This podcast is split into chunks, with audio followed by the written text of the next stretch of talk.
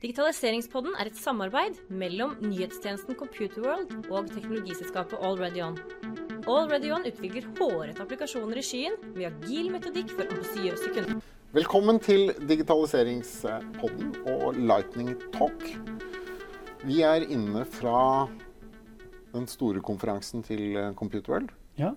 AI eller KI-dagen. Ja, Ja. Jeg vet ikke helt hva som er riktig å si lenger, om det er AI eller KI. Men jeg tror det norske ordet er KI nå. Kunstig intelligens. ja, det er ikke helt naturlig for meg ennå, men uh... Nei, Det er vel for, fordi vi har brukt AI eh, i mangel på noe annet. Så vi bruker litt tid på å få KI inn i ryggraden. Men Ja. eh, det er sikkert på vei, det også. med oss har vi Anders Bryni eh, fra Sintef. Velkommen. Tusen takk. Kan du fortelle oss om vi skal bruke AI eller KI? Ja, min, eh, min personlige preferanse er nok eh, AI. Altså jeg syns at det er, et, det er et begrepsapparat som brukes av de aller, aller, aller fleste vi prater med. Så det er sikkert fint om vi får et fullt norsk begrepsapparat på et eller annet tidspunkt, men eh, personlig syns jeg det er kanskje viktigere å bruke tida da på, på andre ting enn å, å finne på norske begreper for det. Men, eh, Men da, gjør vi, da tråkker vi ikke på noe tær hvis vi bruker AI i denne lightning-talken. Jens Nei. Nei. Så det er veldig bra. Men um, jeg er alltid litt sånn, jeg graver litt jeg vet, i folks privatliv sånn i begynnelsen av sånne podkaster, for jeg syns det er litt moro. Det blir litt se og hør, dette her. Blir litt kjent med folk. Ja. Hjemme hos-reportasjer. Jeg. Uh, jeg hører du har litt dialekt. ja, Ja. jeg har det. Ikke langt unna Oslo, men uh, vi skal Nei. litt, litt nordover. Litt nordover, stemmer det. stemmer det. Nei, jeg vokste opp uh, som småbruker eh, i Stange på Hedmarken. Ja. Det begynner å bli noen år siden jeg bodde der, riktignok. Men eh, nei, det var en fin oppvekst, det. Dyr eller skog eller dyr, ja. Sauer. Og litt korn, da. Så vi, eh, vi var eh, mye ute i skauen og eh, opplevde ting. Så det var kjempe, kjempegøy. Ja. Så var det en Ja, for jeg hadde jo lyst til å oppleve litt andre ting òg, da. Sånn etter hvert. Så det ble jo litt studering og litt andre aktiviteter som kanskje ikke passa så godt akkurat der på gården. Men kan det Nå, nå, nå drar det kanskje, men, men AI i, i, i, på gården, eh, kan det være et, eh, en fremtid? Eh, jeg tror det er kjempemasse spennende, og det er ganske kule norske startups òg, egentlig, som, eh, som jobber i det området her. eh, som ser på det, hvordan kan du bruke data og, og bedre beslutningsstøtte for å få mer verdi ut i Også for gårdbrukere. Og det er jo alt fra liksom, store industrialiserte bruk, det er jo store aktører som Yara som driver òg, men egentlig og ned til ganske mye mindre, mindre bruk, og hvor det er mer sånn praktiske ting. da. Så jeg syns det er gøy å se så tracking av eh, husdyr, f.eks. Det er jo en evig problemstilling med rovdyr og, og husdyr. Mm. Og det å effektivt kunne tracke hvor eh, dyra går hen, er kjempeverdi for, eh, for bønder. Og, og det kan jo være en løsning på å finne noe som er mer bærekraftig enn sånn det er i dag, da, hvor du har eh, nesten eh, væpna opprør mellom eh, eh, rovdyrforkjempere og motstandere. Så Det, den er ganske betent. den er veldig betent. Jeg Den er absolutt sånn, det. var i sånn korpssammenheng med, med min datter for noen år siden. Og så Ja. var det en gjeng fra Hedmark. Ja. Og så, eh, ja, og de, og så kom vi jo inn på sau med en gang. Og Mm. så var ja, dere skal jo ta den ulven. Og da ble de ganske hissige. Fordi vi fra byen skjønner jo ikke dette her, så vi eh, sier klart vi må la ulven eh, leve. Jeg synes Som så mange andre diskusjoner da, så er det litt sånn problem at det, det er litt på sida av det vi skulle snakke om. Men eh, det blir så ekstremt drevet da, av de som har veldig ekstreme synspunkter på begge kanter. Ja. Det blir en superpolarisert debatt, det der òg. Det er jo det som selger, i, på et vis. Men jeg tror jo at ganske mange av Norges befolkning er litt sånn mellom de her to ytterpunkta. da. Så så må prøve å finne en eller annen løsning som funker for de fleste. er ikke så Og det fine med AI er at den har ikke så mye følelser i seg. Så den der følelsesladde debatten mellom ulv og ikke ulv, den slipper vi. Nei, men det kommer. Ja, Vi venter jo bare på at AI skal få følelser. Men um, uh, i dag så, så har du en rolle på Sintef. Ja. Uh, fortell oss litt om, om først rollen din, og kanskje også litt etterpå hva Sintef er. For jeg tror Ja. mange har hørt om Sintef, men klarer vi helt å plassere eksakt hva dere driver Ja. med? Jeg kan dra litt kjapt uh, gjennom det. Altså, jeg er ikke forsker sjøl, bare for å begynne med det. Jeg er uh, kubernetiker fra, fra Trondheim Hva betyr kubernetiker? Eh, kubernetiker er typisk alt som har med styring å gjøre. på et eller annet vis. Å bruke IT og datasystemer og mod modeller for å styre enten fysiske eller virtuelle prosesser. Så robotikk Gresk betyr og styrmann. Ja, Ja. det stemmer. Eh, så robotikk og prosessstyring og navigasjon og sånne ting er veldig sånn klassiske eh, greier. Men så er det jo også noen som ser på det er brukt for eh, økonomiske systemer og, og, finans og sånne type ting også. Da. Så overalt hvor du tenker at du måler et eller annet, og så skal påføre et eller annet pådrag, det er veldig, veldig kubernetikk. Mm. Så jeg har brukt det innafor software og, og forskjellige andre teknologier i DNV og ABB og SAS Institute. Men du leder AI at Sintef? Ja. Nå, Nå leder jeg AI at Sintef og leder den strategiske satsinga vår på digitalisering på tvers av hele, hele, Sintef. Så For å si litt om, om Sintef, da. Så ja. vi er et uh, forskningsinstitutt, en sjøleid stiftelse. Så vi er ikke statlige, som veldig mange tror. Mm. Vi rapporterer til et, et, råd, og så får vi selvfølgelig litt grann, støtte fra staten for at vi driver med forskning, men stort sett så er vi et et institutt som driver oppdragsforskning og, og eh, sånn sett konkurrerer om, om oppdrag. Mm. Vi er rundt 2000 eh, mennesker. Eh, hovedkontor i Trondheim, de fleste sitter der. Ledes av Alexandra Gjørv, som jo mange kjenner fra forskjellige settinger. Um, I Oslo er vi en 400 stykker, så vi er en litt sånn godt uh, skjult hemmelighet at vi er såpass, uh, såpass, mange her. Ja, det er ganske mange. Mm. Det er det. Men hva er det dere gjør kommersielt, da? Nei, vi, er, eh, altså vi, driver stort sett oppdragsforskning, og så bidrar vi inn i forskningssentre og, og, mer grunnleggende forskning sammen med universiteter og høyskolesektoren. Men er det mye offentlig som er kundene, eller? Eh, ganske mye, men, men, det er definitivt privat næringsliv som er største, største kunden. Ja. Ja. Så vi eh, jobber i enten det vi kaller kompetansebyggende prosjekter eller innovasjonsprosjekter sammen med med stort sett partnere fra, fra næringslivet. Og kan si at for, Forskjellen der er at kompetansebyggende prosjekter der er litt sånn løfte tidevannet. La oss gjøre alle bedre og forstå ting. Så du kan si at det er litt nærmere grunnforskning sånn sett. Mm. Mens innovasjonsprosjekter, der er målet at det skal gjennom prosjektet komme ut en eller annen IP, en eller annen intellectual property, som, som noen kan bygge en forretning rundt. Så så ja, det var masse eksempler fra, fra alle bransjer egentlig, som Norge er stor i, hvor det, hvor det skapes kule produkter. Eh, hvor eh, Sintef bidrar med sin kompetanse, men hvor det er en eller annen bedrift da, som løfter fram eh, det her. Olje og fisk er jo et par temaer som jeg raskt tenker på når du sier ja. at Norge er stor. Absolutt. Nei, vi har eh, gjort eh, veldig mye sammen med oljebransjen opp gjennom årene. Eh, I trakt med på en måte grønn omstilling har nok det blitt en betydelig mindre del av porteføljen de siste åra. Mm. Men uh, fisk, altså både fiskerifisk og, og, oppdrett, er jo kjempeviktige temaer. Så vi har, uh, vi har institutter sånn som Sintef Ocean, for eksempel, som er en av de seks instituttene våre, som er, er retta veldig mye mot havbruk og, og si, havbaserte industrier. Uh, og så har vi andre institutter, Sintef Industri, som da driver med, med industri og, og, også olje og gass. Og Sintef Energi, naturlig på fornybarsiden. Eh, Community, som er en bygg- og anleggsfokusert uh, sak primært, og, og, og mobilitet. Og så har vi Sintef Manufacturing, som jobber mot vareproduserende industrier. Og I tillegg til de fem så har vi da Sintef Digital, som jeg sitter i. Så vi er en rundt 400 mennesker som eh, da jobber stort sett med muliggjørende teknologier, og da sammen med de andre institutta. Men La oss gå litt inn i den digitale verden. Jeg vet jo at Data og datadeling er noe mm. du mener er viktig for, for AI. Ja, vi har kikka mye, mye, på data i det siste. Eh, både fra et, si et nasjonalt perspektiv og, og innenfor EU-systemet. Jeg vet ikke om dere har kikka på, eh, på, de nye strategiene fra EU.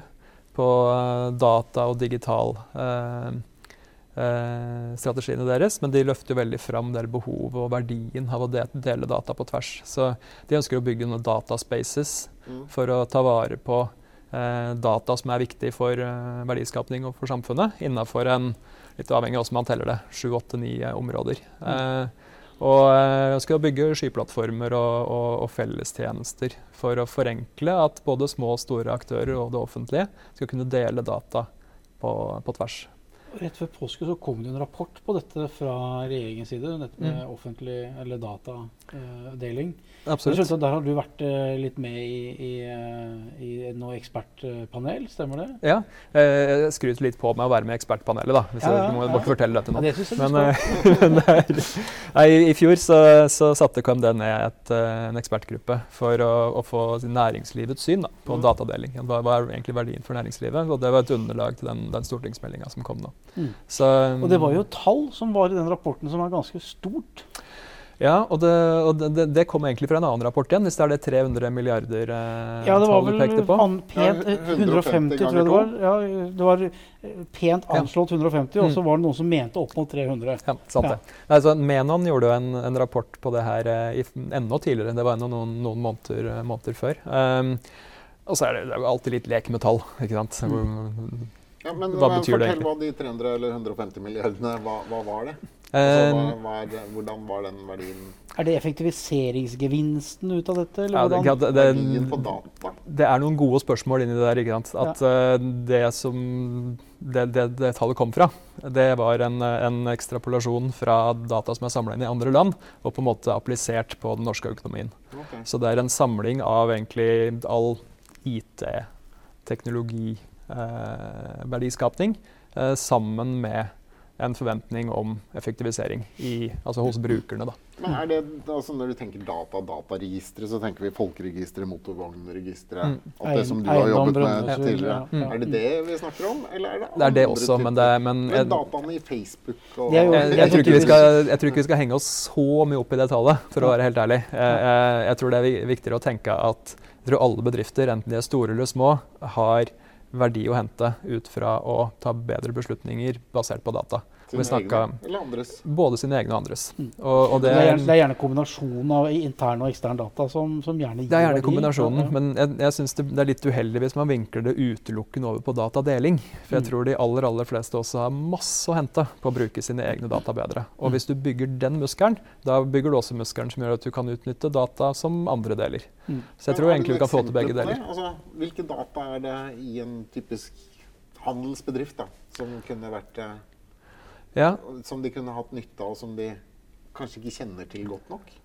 Nei, det, altså det, det er jo helt avhengig av åssen eh, bransje man er i. Men vi ser jo på et eksempel en, eh, et selskap som heter Material Mapper, som, eh, som nå er litt involvert i den prosessen her som et godt eksempel. Mm. De, de ønsker å, å bygge en, en markedsplass, eller en, en plass hvor du kan, kan omsette gjenbrukbare materialer.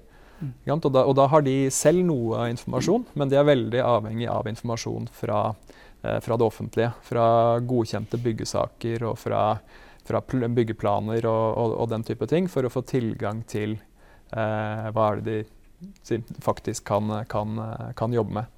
Eh, så har du Spacemaker, som er et, et eksempel som, eh, som vi så vidt har snakka om. Som bygger sin egen kapasitet for å støtte arkitekter og designere. Men der også trenger de en god og effektiv interaksjon med offentlige data for å gjøre prosessen eh, Hva er det. Spacemaker gjør for noe? Spacemaker er et, et, et eh, De skaper et verktøy som skal hjelpe å kalle automatisere deler av arkitekt- og designprosessene. Så det er egentlig en, en støtte til arkitektene. Så det, en, det kommer sikkert til å høres ut som en sånn eh, Nå blir arkitekten overflødig. Men, eh, men greia er mye mer at eh, man ønsker å gjøre arkitektene bedre i stand til å ta gode valg. Og det er en, mer som en sånn Så husker den lille Windows-hjelperen. Den Ja. lille bindersen eh, back in the day. Eh, den her bare på steroider, da, kan du si. Som, Mm. som hjelper deg, og gitt at du, du, du kommer inn med, med eh, Kall det rammer rundt hvordan det er du vil bygge. Hvilke, hvilke regler ligger der, hvor mange leiligheter skal vi ha, hvor mye solinnslipp skal vi ha osv. Så, får du forslag. Du, du får eh, designideer, rett og slett, som du kan velge blant. Så det, Ja, det, det booster opp designprosessene, da. om. Jeg har nettopp bygd hus selv, så jeg ikke sant? du lærer jo stadig vekk om en ny regel. Ja. Men har du husket på? Ikke sant.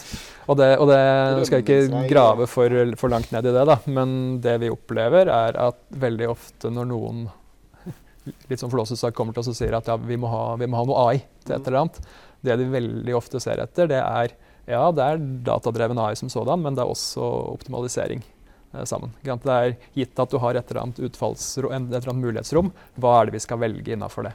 Mm. Så vi, vi ser at AI mer og mer også blir en, en sånn flere teknologier møter hverandre. Så du har måte maskinlæring, du har data, du har optimering og visualisering, ikke minst, oppi det hele. Fordi vi ser jo at hvis du ikke klarer å gi beslutningsstøtten på en god måte til, eh, til brukerne, så, så hjelper det ikke hva modellen din sier. Du må jo mm, klare å gi, eh, Mm. gi et godt beslutningsunderlag, rett og slett.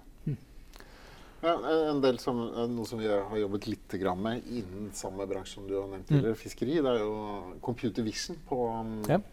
på oppdrett. Mm. Der du filmer fisk under vann for å kunne se forskjell på matfisk eller eh, Ja. rensefisk. Mm. Eller for å filme trengning, f.eks. Mm. Et selskap som heter Fishwell, som, som holder på med det. Ok. Uh, og som greier å måle stressnivået på, på fisken Ja, bare ved å filme overflaten. Mm. Uh, men, det, men det som jeg tenker på, er jo at det er jo utrolig mye data som du får når du setter opp et kamera og begynner å analysere den datastrømmen av, av video Mm. som, som du får inn.